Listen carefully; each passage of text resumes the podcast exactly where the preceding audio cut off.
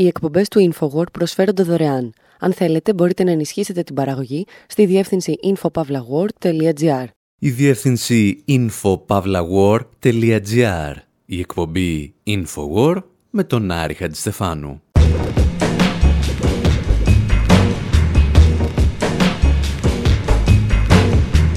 όπου σήμερα σκεφτόμαστε να δώσουμε στο Facebook μια θέση μόνιμου μέλους στο Συμβούλιο Ασφαλείας του ΟΗΕ για να δούμε τι θα γίνει. Διαφωνούμε με όσους υποστηρίζουν ότι το Facebook είναι πολύ μεγάλο και μονοπωλιακό και πιστεύουμε απλώς ότι είναι πολύ ιδιωτικό. Σκεφτόμαστε εάν τα μέσα κοινωνικής δικτύωσης έχουν γίνει εξίσου απειλητικά με τον πολίτη Κέιν και αναρωτιόμαστε τι θα είχε να πει ο Orson Welles για το πρόβλημά μας. Και ύστερα αλλάζουμε εντελώς το θέμα. Θυμόμαστε έναν μαύρο αθλητή που γονάτισε στη μέση ενός σταδίου, ενώ κάπου στο βάθος έπαιζε ένας εθνικός ύμνος. Αναρωτιόμαστε εάν άλλαξε τίποτα πέντε χρόνια από τη στιγμή που ο Κόλιν Κάπερνικ τα έβαλε με τον θεσμικό ρατσισμό μιας αυτοκρατορίας. I'm gonna give you 30 days to get back home. I done called up a gypsy woman on the telephone. Gonna send out a worldwide hoodoo, that'll be the very thing that'll suit you. I'm gonna see that you be back home in 30 days. Oh, 30 days. Oh, 30 days.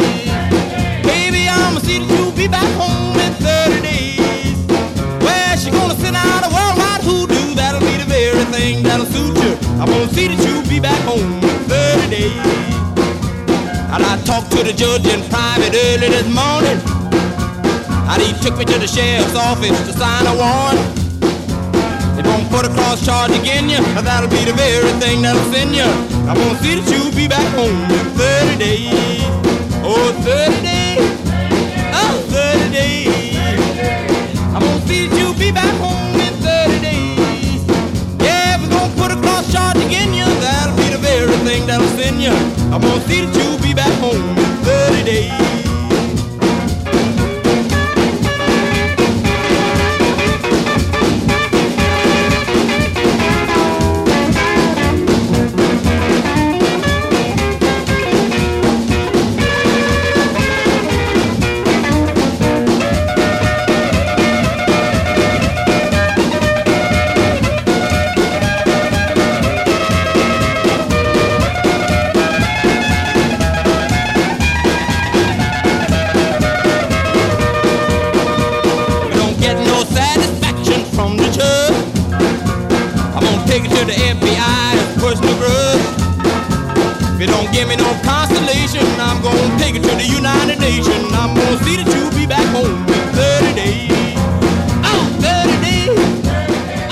Τσακ Μπέρι σε μια ιδιαίτερα δύσκολη περίοδο για τις προσωπικές του σχέσεις έχει μόλις χάσει την κοπέλα του και της δίνει προθεσμία 30 ημερών να επιστρέψει σε αυτόν.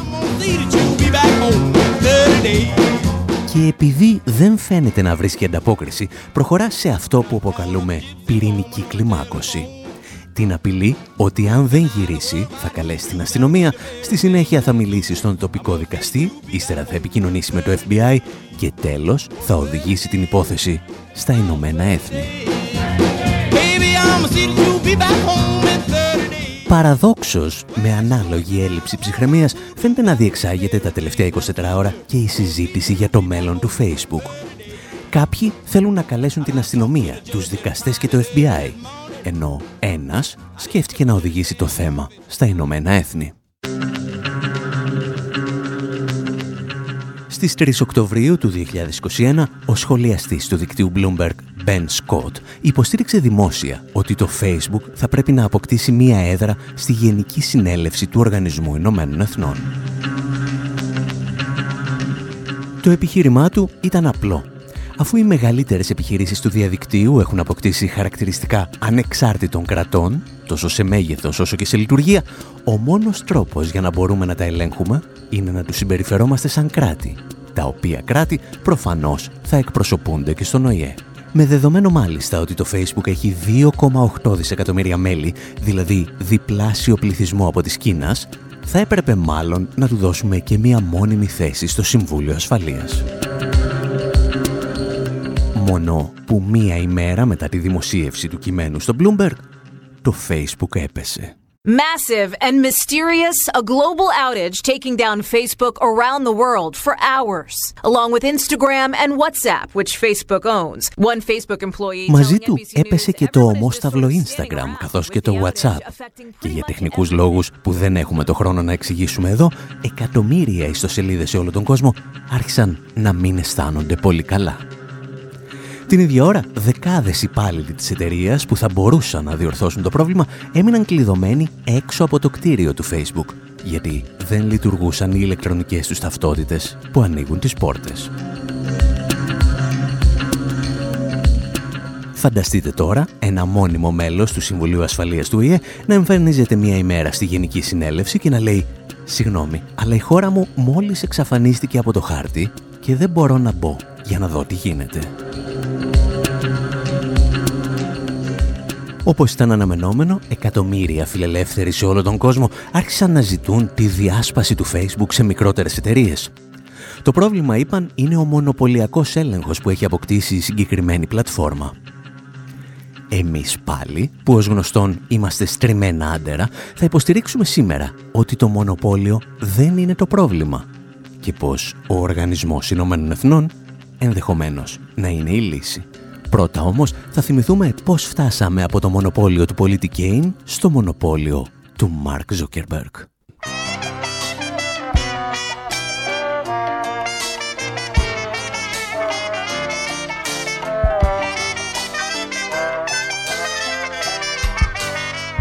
That ugly fat man swam in a red tire made of stone.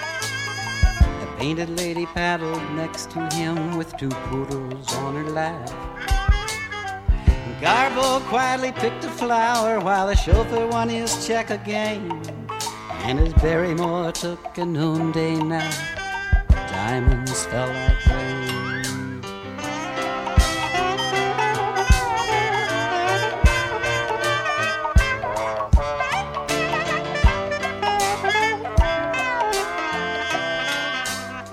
Cisco kid and a bald-headed waitress trapped neath the bed of brass. And the French cook served them chocolate and some cold cuts on the grass.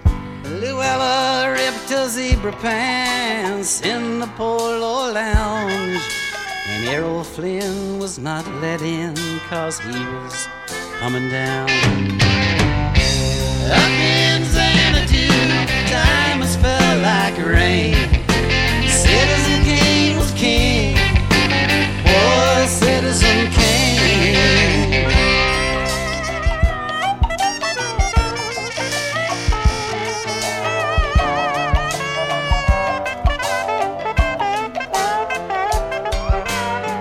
Valentino suddenly appeared in his midnight blue tuxedo. He had a falcon on his shoulder, eating chicken from his hands. Fatty Arbuckle waddled by on his way to the bathhouse green. And Frankenstein ate the leading lady and licked the carcass clean. Up in Xanadu, diamonds fell like rain. Citizen Kane was king. Boy, Citizen Kane. Το συγκρότημα The Birds από το Los Angeles τραγουδά σε ρυθμούς folk rock για έναν φτωχό βασιλιά. Και το όνομα αυτού, πολίτης Kane, η ταινία του Orson Welles, την οποία ο ίδιος προλόγιζε στο κινηματογραφικό της τρέιλερ κάπως έτσι.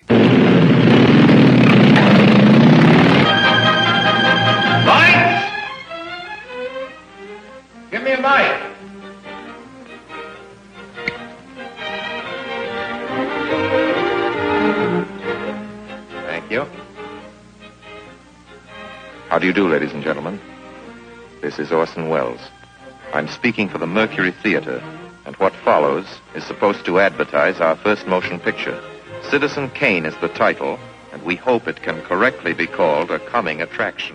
Από τις χιλιάδες αναλύσεις που έχουν γίνει για αυτή την κορυφαία στιγμή του παγκόσμιου κινηματογράφου, εμείς θα συγκρατήσουμε σήμερα αυτή που έκανε ο Ιγνάσιο Ραμονέ όταν ήταν ακόμη διευθυντής της Μον Diplomatique.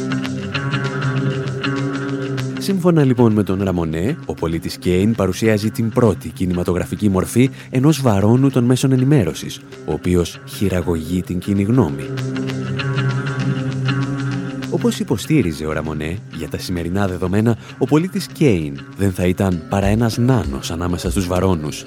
Ας πούμε κάτι σαν την οικογένεια Κούρη. Αφού διέθετε, λέει, μόνο μερικές εφημερίδες και μάλιστα σε μία μόνο χώρα. Τι πας να κάνεις; Ο νέος βαρόνος των μεσών ενημέρωσης, εξηγούσε ο διευθυντής της Μον Diplomatique, είναι ο Ρούμπερτ Μέρντοχ, η αυτοκρατορία του οποίου εκτείνεται σε ολόκληρο τον πλανήτη. Μια αυτοκρατορία μάλιστα η οποία δεν περιλαμβάνει μόνο εφημερίδες, αλλά και δεκάδες ηλεκτρονικά μέσα ενημέρωσης. Αυτά όμως και ο Ραμονέ τα έλεγε στις αρχές της δεκαετίας του 90. Σήμερα ο πολίτης Κέιν παραμένει ένας νάνος ανάμεσα στους τιτάνες των μέσων ενημέρωσης. Το πρότυπο όμως των τελευταίων ίσως να μην είναι αναγκαστικά ο Μέρντοχ, αλλά ο Μάρκ Ζάκερμπεργκ, ο δημιουργός του Facebook. Το πραγματικό πρόβλημα όμως, όπως εξηγούσε στο Democracy Now! ο αναλυτής Ρόμπερτ Μακτσέσνι, βρίσκεται αλλού. The issue here is the one that's not being talked about, the elephant in the room, the two-ton elephant, which is Facebook is a monopoly. Το πραγματικό πρόβλημα είναι αυτό για το οποίο δεν μιλάει κανένας. Είναι σαν να αγνοήσει έναν ελέφαντα δύο τόνων μέσα στο δωμάτιό σου. Αυτός ο ελέφαντας είναι το μονοπόλιο του Facebook και άλλων ψηφιακών γιγάντων που έχουν μονοπωλιακά χαρακτηριστικά. Πρόκειται για τις μεγαλύτερες εταιρείες του πλανήτη βάσει της αξίας τους στην αγορά. Οι ενέργειες της Facebook, της Google ή της Amazon καθορίζουν τον τρόπο με τον οποίο βλέπουμε και αντιλαμβανόμαστε τον κόσμο. Η ανησυχία λοιπόν είναι απόλυτα δικαιολογημένη and understand the world. And so the concerns are legitimate. Ο Ρόμπερτ Μακτσέσνι δεν φαίνεται να έχει καμία αμφιβολία ότι στην περίπτωση των μονοπωλιακών επιχειρήσεων το μέγεθος μετράει και μάλιστα είναι ευθέως ανάλογο της απειλής που προκύπτει για την ελευθερία και τη δημοκρατία. Το πραγματικό ερώτημα όμως είναι αν πρέπει να επιτρέπουμε να υπάρχουν ιδιωτικά μονοπόλια με τόσο μεγάλη πολιτική επιρροή και ισχύ. Νομίζω η δημοκρατική θεωρία έχει μια πολύ σαφή απάντηση και αυτή είναι όχι. Αυτή η κατάσταση έρχεται σε αντίθεση με οτιδήποτε παραπέμπει στην ελευθερία του τύπου και μια ελεύθερη κοινωνία.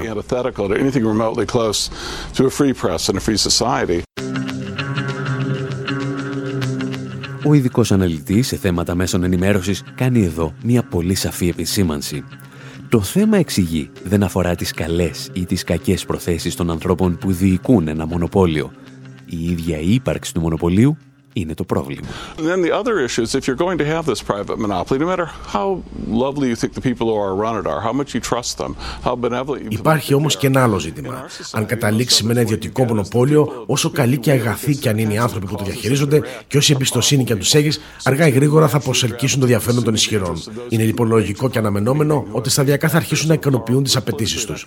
Δεν πιστεύω λόγω χάρη ότι η Facebook έχει επαφές με εκπροσώπους των αστέγων για να είναι σίγουροι ότι καλύπτει και τη δική τους οπτική γωνία. Το ίδιο συμβαίνει και με τα κινήματα ειρήνης ή το κίνημα για τον μποϊκοτάζ του Ισραήλ. Γνωρίζουμε πολύ καλά πως όταν έχεις ένα ιδιωτικό μονοπόλιο, χωρίς κανέναν πολιτικό έλεγχο, η πλάστικα θα γύρει προς τη μεριά των ισχυρών. when you have a private monopoly that basically has uncontrollable power. Και το ερώτημα που φυσικά προκύπτει είναι τι κάνεις εάν οι δυνάμεις της αγοράς οδηγήσουν τελικά στη δημιουργία ενός μονοπωλίου; Και ως γνωστόν, οι δυνάμεις της αγοράς οδηγούν πάντα στη δημιουργία μονοπωλίων εάν μείνουν ανεξέλεγκτες. Η απάντηση είναι προφανής και βρισκόταν πάντα μπροστά στα μάτια μας. Τα μεγάλα μονοπόλια τα εθνικοποίησε. Λεπτομέρειες σε μερικές δεκάδες δευτερόλεπτα.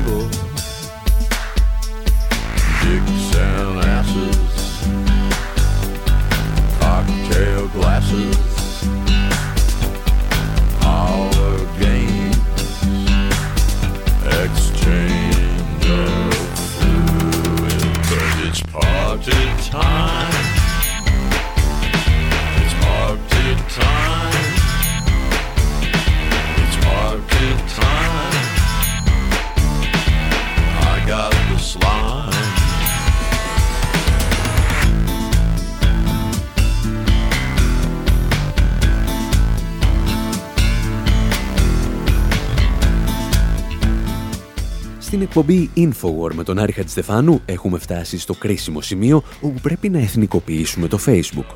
Καταρχήν όμως πρέπει να εξηγήσουμε γιατί πρέπει να εθνικοποιηθεί ένα μέσο κοινωνικής δικτύωσης. Μερικά επιχειρήματα συνοψίζει για εμάς ο αναλυτής Ρόμπερτ Μακτσέσνι, που μίλησε γι' αυτό στο δίκτυο Democracy Now! If you have a company so big that you can't allow it to exist, but it's in an industry where it can't be broken. Όταν έχεις μια εταιρεία η οποία είναι πολύ μεγάλη για να της επιτρέψει να υπάρχει και την οποία δεν μπορείς να σπάσει σε μικρότερα κομμάτια, τότε λαμβάνει χαρακτηριστικά μονοπωλίου. Σε αυτές τις περιπτώσεις πρέπει να την απομακρύνεις από την αγορά. Έτσι κάναμε παλαιότερα με τα ταχυδρομεία. Τα αποσύραμε από την αγορά για να μην δημιουργηθεί ιδιωτικό μονοπόλιο. Στόχος σου είναι να μην αποτελούν ένα μηχανισμό παραγωγής κέρδους. Μπορείς να αναθέσεις τη λειτουργία τους στους Δήμους ή να τα εθνικοποιήσεις με κάποιο τρόπο. Με αυτόν τον τρόπο δεν ενισχύεις απλώς την κοινωνία στο σύνολό της, αλλά και τις μικρότερες επιχειρήσεις. Έτσι θα εξασφαλίζεις ότι δεν θα τις κλέβουν τα μονοπόλια και οι πολίτες δεν θα πληρώνουν ακριβότερα για τις ίδιες υπηρεσίες.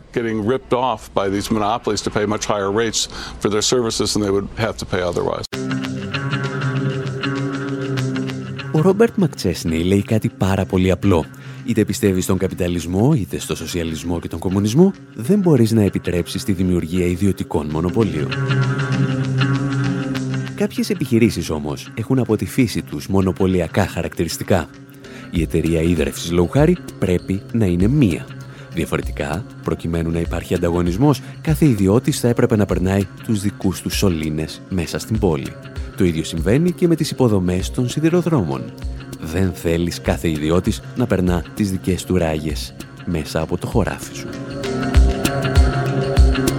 Τώρα, γιατί κάποιος να θέλει να ιδιωτικοποιήσει τα τρένα και την ίδρυυση, όταν μάλιστα όλες οι σχετικές ιδιωτικοποιήσεις στην παγκόσμια ιστορία έχουν αποτύχει, είναι άλλο θέμα. Δεν είναι άλλωστε τυχαίο ότι τέτοιου είδους ιδιωτικοποιήσεις μονοπωλίων γίνονται πλέον μόνο σε δικτατορίες του τρίτου κόσμου ή σε σύγχρονες απικίες χρέους. Το Facebook πάντως, για να επιστρέψουμε στη δική μας ιστορία, είναι σαν μια εταιρεία ίδρευσης. Δεν μπορείς και δεν θέλεις να το σπάσεις σε 10 μικρότερα κομμάτια, γιατί τότε δεν έχει λόγο ύπαρξης. Άρα, πρέπει να περάσεις τον έλεγχο των πολιτών.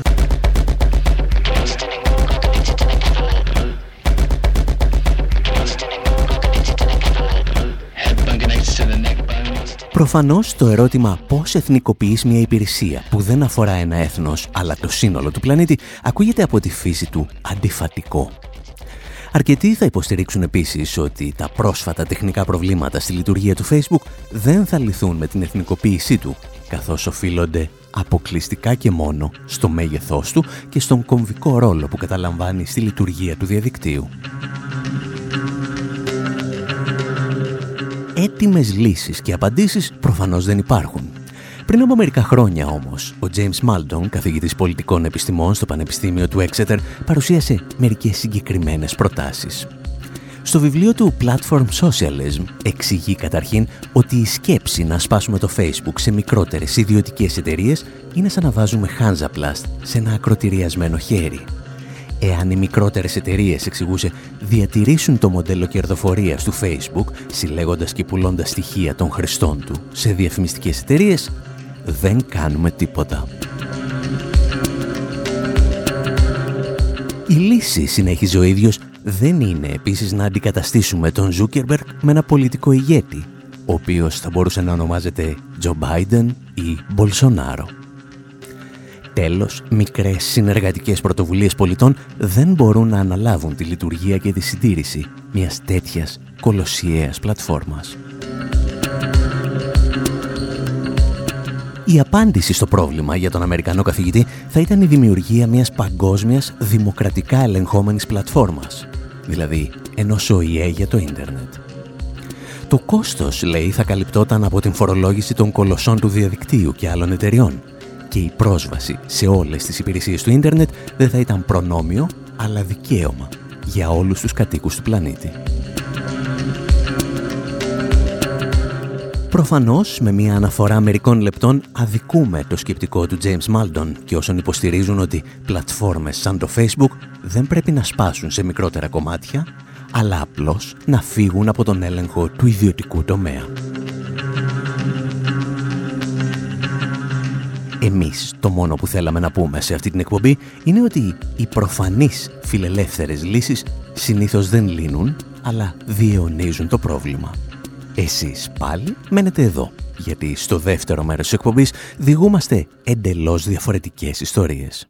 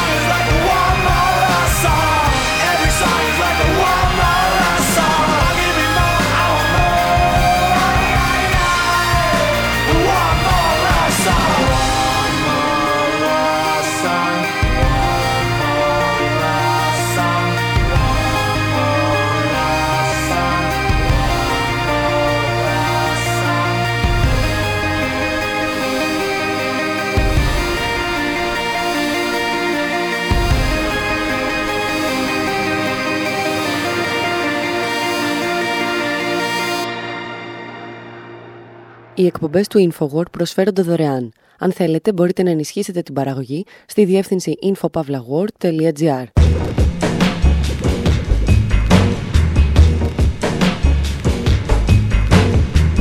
Η εκπομπή InfoWord με τον Άρη Χατζηστεφάνου όπου σήμερα γυρίζουμε ρολόγια και ημερολόγια πέντε χρόνια πίσω για να δούμε έναν αθλητή να γονατίζει κατά την ανάκρουση του Εθνικού Υμνού των Ηνωμένων Πολιτειών εκείνης της Αμερικής. Αναρωτιόμαστε εάν μπορούμε τελικά να τον συγκρίνουμε με τους μεγάλους αθλητές που ύψωσαν τις μαύρες γροθιές τους στους Ολυμπιακούς Αγώνες του 1968 στο Μεξικό. Και αφήνουμε να απαντήσει ένας άνθρωπος που τους γνώρισε όλους. Ίσως ο πιο πολιτικοποιημένος αθλητικός συντάκτης στην απέναντι πλευρά του Ατλαντικού. To honor America and perform our national anthem, please welcome Academy Award nominee and six-time Grammy winner, Lady Gaga.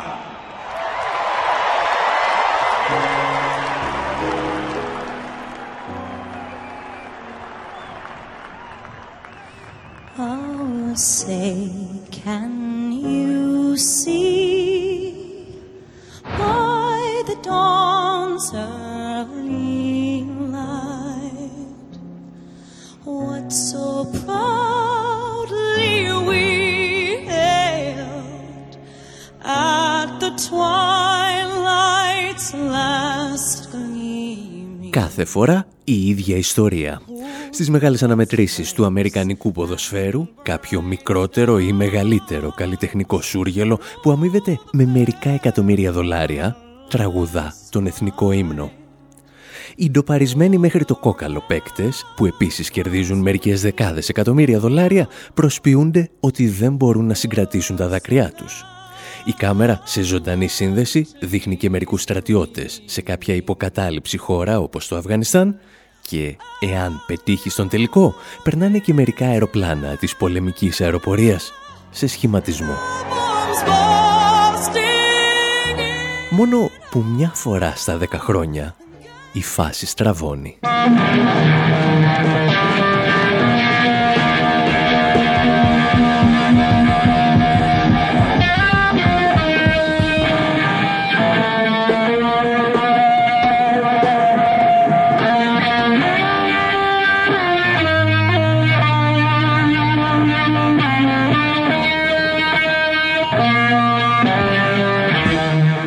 Το 2016 ένας αθλητής αρνήθηκε να σηκωθεί στον εθνικό ύμνο και ύστερα το έκανε ξανά και ξανά, προκαλώντας πανικό στα αμερικανικά μέσα ενημέρωσης.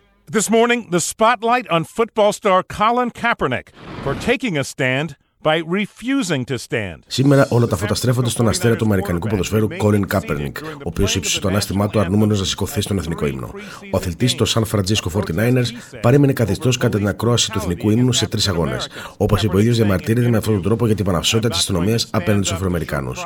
Όπως δήλωσε στη συνέντευξή του, δεν πρόκειται να σηκωθεί για να τιμήσει τη σημαία μιας χώρας που καταπιέζει τους μαύρους ανθρώπους και τους ανθρώπους διαφορετικού χρώματος. Για μένα, συμπλήρωσε, αυτό είναι σημαντικότερο από το ποδόσφαιρο και θα ήταν εγωιστικό να μην κάνω τίποτα. Ορισμένοι οπαδοί το στηρίζουν, άλλοι δηλώνουν εξοργισμένοι. The other way. Some fans supporting him, others outraged. Αρχικά η στάση του Colin Kaepernick πέρασε απαρατήρητη, μέχρι που ο ίδιος άρχισε να εξηγεί στους δημοσιογράφους περισσότερες λεπτομέρειες για την πράξη του. I, I'll continue to sit. I'm going to continue to stand with the people that are being oppressed. Θα παραμείνω καθιστός, το οποίο σημαίνει ότι θα στέκομαι δίπλα στους ανθρώπους. Πιστεύω ότι όλα αυτά πρέπει να αλλάξουν.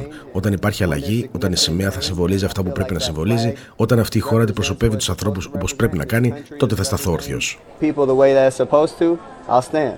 Ultimately, it's to bring awareness and make people, you know, realize what's really going on in this country. There are a lot of things that are going on that are unjust. Στόχος μου είναι να ευαισθητοποιήσω τον κόσμο, να τους δώσω να καταλάβουν τι πραγματικά σημαίνει σε αυτή τη χώρα. Επικρατεί αδικία για την οποία δεν τιμωρείται κανένας. Και αυτό δεν μπορεί να συνεχιστεί. Αυτή η χώρα υποτίθεται ότι εκπροσωπεί την ελευθερία και τη δικαιοσύνη για όλους. Αλλά δεν είναι για όλους. Δολοφονούν ανθρώπους και δεν οδηγείται κανένας στη δικαιοσύνη. Όταν οι μπάτσοι σκοτώνουν κάποιον, τους ανταμείβουν με άδεια μεταποδοχών. Αυτό δεν μπορεί να είναι σωστό όπως και αν το δεις. That's not right. That's not right by anyone's standards. Μέσα σε ένα χρόνο ο Κάπερνικ έγινε ταυτόχρονα ένα από τα πιο αγαπητά και τα πιο μισητά πρόσωπα του Αμερικανικού ποδοσφαίρου. Και η καλύτερη στιγμή για να βεβαιωθείς ότι έχεις προσελκύσει το ενδιαφέρον ολόκληρης της Αμερικής είναι να δεις να σε κοροϊδεύουν στο South Park. Colin Kaepernick is brave. Cops are pigs, cops are pigs. Wait, someone just took my stuff. I need to call the cops. Oh no, I just said cops are pigs. Now who's gonna help me get my stuff? Why did I listen to Colin Kaepernick? He's not even any good. Στο διαφημιστικό βίντεο για τον 20ο κύκλο επεισοδίων του South Park, ένα ολόκληρο γήπεδο τραγουδά «Η μπάτσι είναι γουρούνια και ο Colin Kaepernick είναι σπουδαίος». Τουλάχιστον αυτό λένε στην αρχή, γιατί στη συνέχεια το κοινό στρέφεται εναντίον του. Δεκάδες ακόμη αθλητές στις Ηνωμένες Πολιτείες ακολούθησαν το παράδειγμα του Κάπερνικ μένοντας καθιστή ή γονατιστή στην ανάκρουση του εθνικού ύμνου. Και ύστερα ήρθε και η σειρά του Ντόναλτ Τραμπ να τοποθετηθεί με τη γνωστή εφράδια ενός Αμερικανού Προέδρου. Well, I have uh, followed it, and I think it's. Uh, I think it's personally not a good thing. I think Παρακολούθησα την ιστορία και πιστεύω ότι δεν είναι καλό πράγμα. Είναι πολύ κακό πράγμα. Ίσως πρέπει να βρει μια χώρα που να τον βολεύει καλύτερα. Α τον αφήσουμε να προσπαθήσει.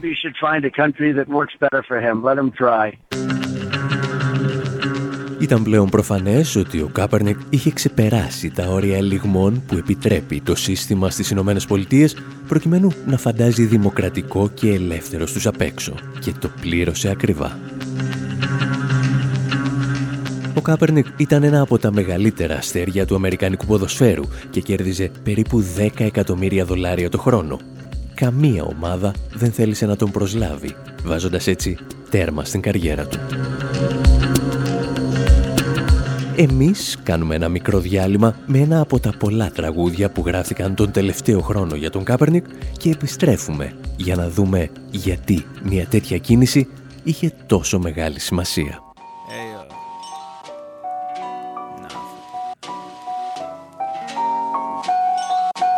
Pull the trigger. Ain't nobody gonna do for you. Pull the trigger.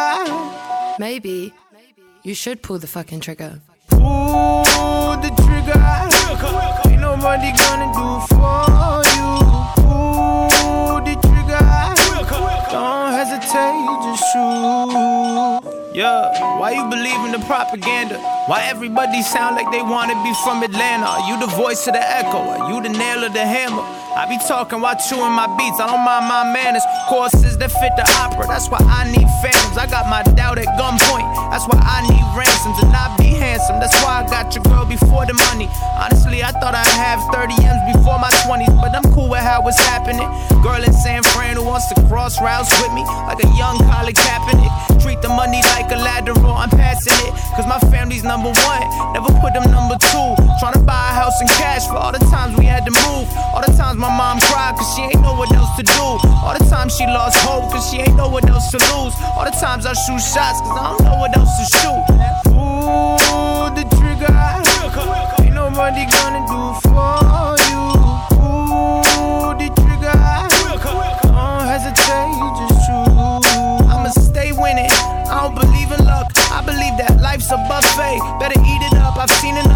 know that I'm really about to blow. Never felt like an employee, always felt like CEO. Even when I stacked shoes, I was never clocked in. Yeah, I always walked out, but I never walked in. That's a tribute to my headspace. And lately, my devils have been Spanish chicks in red lace. Doing brujery on me for 10 days. More like 10. Στην εκπομπή Infowar με τον Άρη Χατζηστεφάνου συζητάμε για τον Colin Kaepernick, τον αθλητή του Αμερικανικού ποδοσφαίρου που αρνείται να σταθεί προσοχή στον Αμερικανικό εθνικό ύμνο. Διαμαρτύρεται έτσι για τις δολοφονίες μαύρων και τον θεσμοθετημένο ρατσισμό που κυριαρχεί στις Ηνωμένες Πολιτείες. Και δεν ξέρουμε αν ο Κάπερνικ το γνώριζε όταν πήρε την απόβασή του, αλλά αν πρέπει να μιλήσεις για ρατσισμό στην Αμερική, είσαι υποχρεωμένος να ξεκινήσεις από τον εθνικό ύμνο.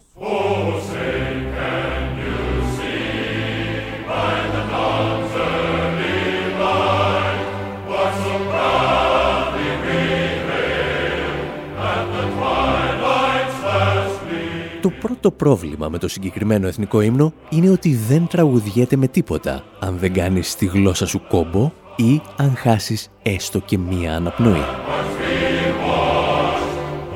Το σημαντικότερο όμως πρόβλημα είναι ότι στην αρχική του έκδοση αποτελούσε έναν ύμνο στη δουλεία των μαύρων και στο θεσμικό ρατσισμό του Αμερικανικού κράτους. Οι στίχοι γράφτηκαν στις 14 Σεπτεμβρίου του 1814 από έναν δικηγόρο που νόμιζε ότι ήταν και ποιητής, τον Francis Scott Key.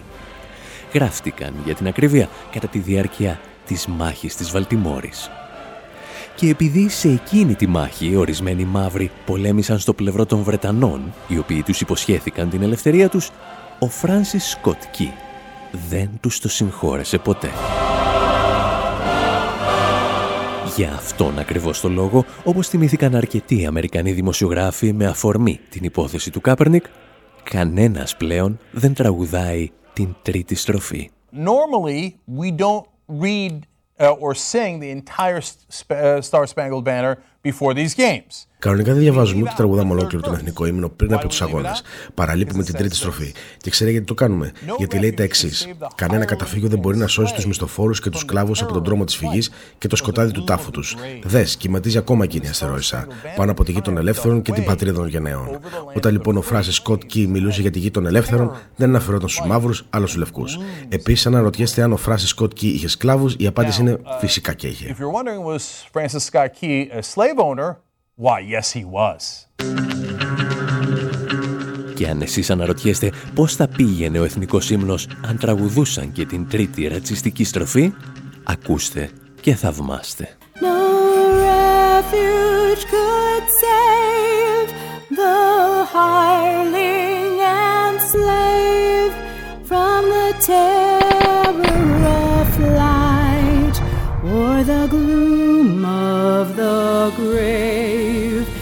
And the star-spangled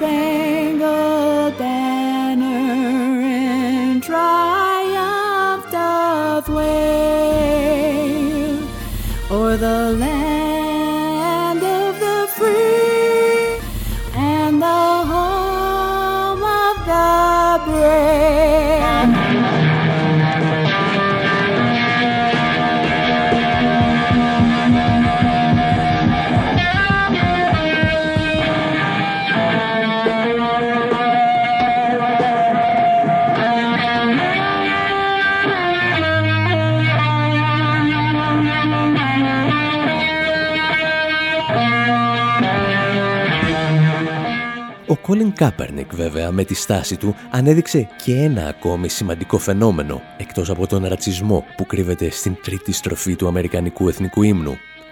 Την ψευδέστηση ότι ο αθλητισμός πρέπει ή μπορεί να είναι μη πολιτικός. Σαν να πιστεύεις δηλαδή ότι οι Ολυμπιακοί Αγώνες του 1936 στο χιτλερικό Βερολίνο ήταν μη πολιτικοί. Ότι οι Έλληνες αθλητές που χαιρετούσαν ναζιστικά και ο Σπύρος Λούις που έσφυγγε το χέρι του Αδόλφου Χίτλερ έκαναν μη πολιτικές κινήσεις. Σαν να θες να μας πεις ότι δεν υπάρχει τίποτα πολιτικό όταν Αμερικάνοι στρατιώτες στο Αφγανιστάν στέκονται προσοχή πριν ξεκινήσει ένας αγώνας ποδοσφαίρου. Ο αθλητισμός ήταν πάντα ακραία πολιτικός και στις μεγάλες διοργανώσεις εξέφραζε τις πολιτικές θέσεις των ισχυρών.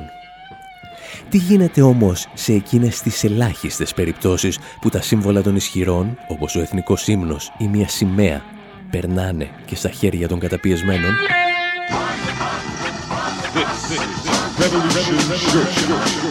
The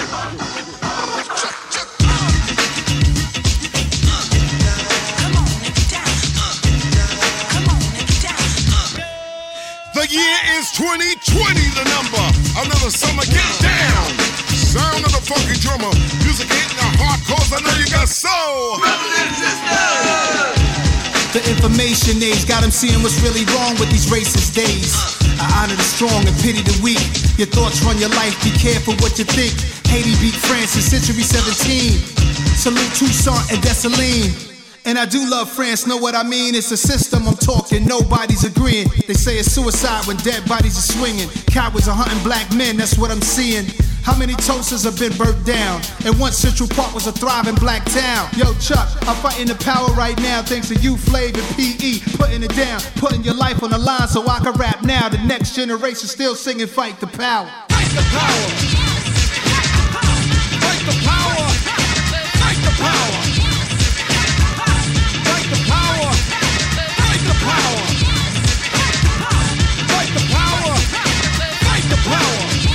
We've got to fight the powers that. Police think they Wayne, six nine over the law. Wanna give us short sticks, but we really need a long. To the boys in the hood, ducking bullets and batons. From boys in the hood, triple K's on their arm. Four fingers on my palm, screaming fight, fight. Change the policy, defund, buy back our property. You love Black Panther, but not Fred Hampton. Word to the Howards and the Aggies and the Hamptons. They book us, won't book us. I'm Booker. T. Washington, George Kilmore, 20. Think about it. That's 2,000 pennies. The value black life, the cost of going to Wendy's for a four quarter burger. Ended in murder. Fight for Brianna and the pain of her mama. Gotta fight. the power.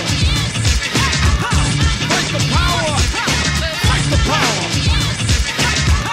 Fight the power. Fight the power. Fight the power. Fight the power. We got the fight the power. Yeah, generations is how long we've been at war. The revolution on our platform. You break a man's mind and it's back your solidarity is what I'm wearing all black for. For comrades who don't fought without me, it's not to try and change our thoughts about me or to redirect your reports about me. Dear white people, you should take a course about me. Cause is it the long ding-a-ling, four finger ring? The sciences of the arts, the songs we can sing? I really wanna know why y'all so scared. Probably cause the promised land we almost there. But look, I think of images that fuel my youth. Interviews by Craig Hodges and Abdul Raouf. Examples like Olympic Black Power salutes and Panther troops. I saw as I pursued my truth. If racism is a cancer, black thought's the answer. Gotta get up off the back porch. Emancipate your mind, get your bodies back from ransom. Come on! And all black hands up for the anthem.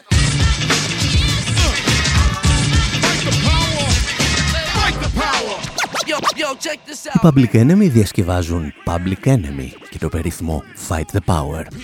Και ανάμεσα στα πολλά άλλα που προσθέτουν έχουν και μία γραμμή για τους δύο μαύρους αθλητές, τον Τόμι Σμιθ και τον Τζον Κάρλος, που ύψωσαν τη μαύρη γροθιά στους Ολυμπιακούς του 1968 στο Μεξικό. Την στιγμή μάλιστα που παιάνιζε ο εθνικός ύμνος των Ηνωμένων Πολιτειών. Η ιστορική εκείνη στιγμή έγινε συνώνυμο του κινήματος για τα δικαιώματα των μαύρων της δεκαετίας του 60 και πολύ δύσκολα μπορεί να οριστεί κάποιος ως κληρονόμος ή συνεχιστής της. Τότε οι αθλητές δέχτηκαν μόνο ομαδικά πυρά. Στην εποχή μας, εκτός από πυρά, ο Κάπερνικ έλαβε και ένα συμβόλαιο από την Nike, η οποία χρησιμοποίησε την πράξη του σε διαφημιστικά της μηνύματα. Υπάρχουν προφανώς δεκάδες στοιχεία που συνδέουν και διαφοροποιούν τα δύο γεγονότα. Εμείς όμως επιλέξαμε να τα συνδέσουμε με ένα βιβλίο που κυκλοφόρησε πρόσφατα με τον τίτλο The Kaepernick Effect. Συγγραφέας είναι ο Dave Zirin, ίσως ο πιο πολιτικοποιημένος και ταυτόχρονα συναρπαστικός αθλητικός συντάκτης στις Ηνωμένες Πολιτείες. Και αυτός ο κύριος είχε γράψει και ένα άλλο βιβλίο με συνεντεύξεις από τους πρωταγωνιστές των Ολυμπιακών Αγώνων του 1968.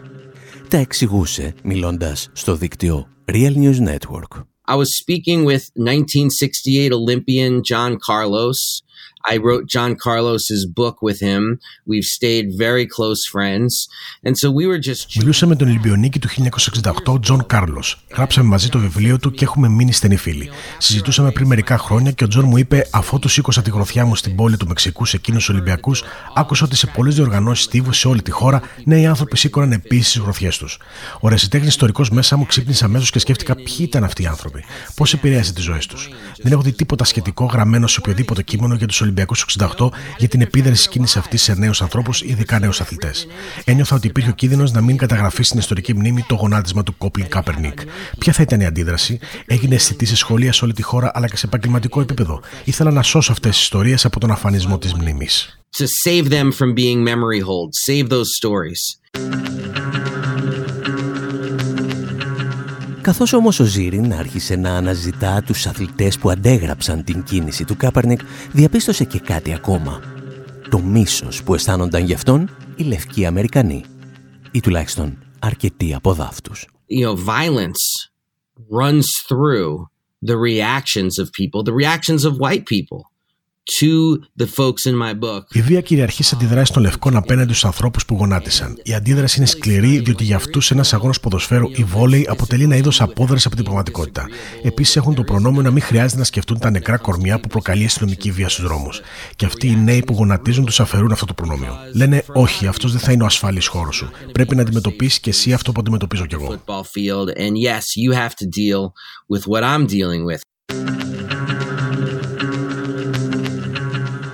Οι μαύροι αθλητές λοιπόν έβγαλαν τους λευκούς απογόνους των δουλοκτητών τους από το safe space τους και τους έφεραν αντιμέτωπους με την ιστορική τους ευθύνη. και οι τελευταίοι εξαγριώθηκαν ακόμη περισσότερο. Κάπου εκεί, σε εκείνη τη ρογμή του χρόνου, καταλαβαίνεις τι πραγματικά σημαίνει συστημικός και θεσμοθετημένος ρατσισμός. What they often talk about is you are making my white child uncomfortable in the classroom by talking about slavery, by talking about racism. And, and, and so it's like Αυτό που συχνά λένε είναι κάνεις το λευκό παιδί μου να νιώθει άβολα όταν μιλάς για τη σκλαβιά ή για το ρατσισμό. Πώς τολμάς να με κάνεις να σκέφτομαι πράγματα που δεν θέλω να σκέφτομαι; Πώς τολμάς να με κάνεις να σκεφτώ για το ρατσισμό; Πώς τολμάς να επιβάλλεις την αλήθεια στη ζωή μου; Τελικά καταλήγουμε σε κάτι που υπάρχει σε αυτή τη χώρα από τις ημέρες του υπερατλαντικού εμπορίου σκλάβων. Αντί οι λευκοί να αναγνωρίσουν τα εγκλήματά τους, κυριαρχεί η ιδέα του φόβου και της βίας. Το βλέπεις στο μικρό κόσμο του πώς αντέδρασαν οι άνθρωποι στο γονάτισμα, καθώς αντιδρούν ακόμα και στην ιδέα της διδασκαλίας τη σκλαβιάς. Αυτή η αντίδραση εμπεριέχει έντονα φασιστική χρειά. Είναι σαν να λένε πώς τολμάς να μειώνεις την εθνική μας δόξα. Και όταν λένε μας, εννοούν τον λευκό εθνικισμό. and when they say our they mean they mean white they mean white nationalism. Και αν όλα αυτά σας ακούγονται λίγο μακρινά και ξένα, είναι γιατί ακόμη δεν έχουμε δει αθλητές στη χώρα μας να αμφισβητούν μπροστά σε δεκάδες χιλιάδες θεατές τα ιερά και τα όσια του ελληνικού ρατσισμού. Εμείς πάντως κάπου εδώ λέμε να σας αφήσουμε και για αυτή την εβδομάδα. Να θυμάστε ότι βρίσκεται πάντα παρόμοιες ιστορίες στη σελίδα μας info.pavlawar.gr Μέχρι την επόμενη εβδομάδα, από τον Άρη Χατζηστεφάνου στο μικρόφωνο και τον Δημήτρη Σταθόπουλο στην τεχνική επιμέλεια, γεια σας και χαρά σας. I pledge allegiance to the flag of the United States of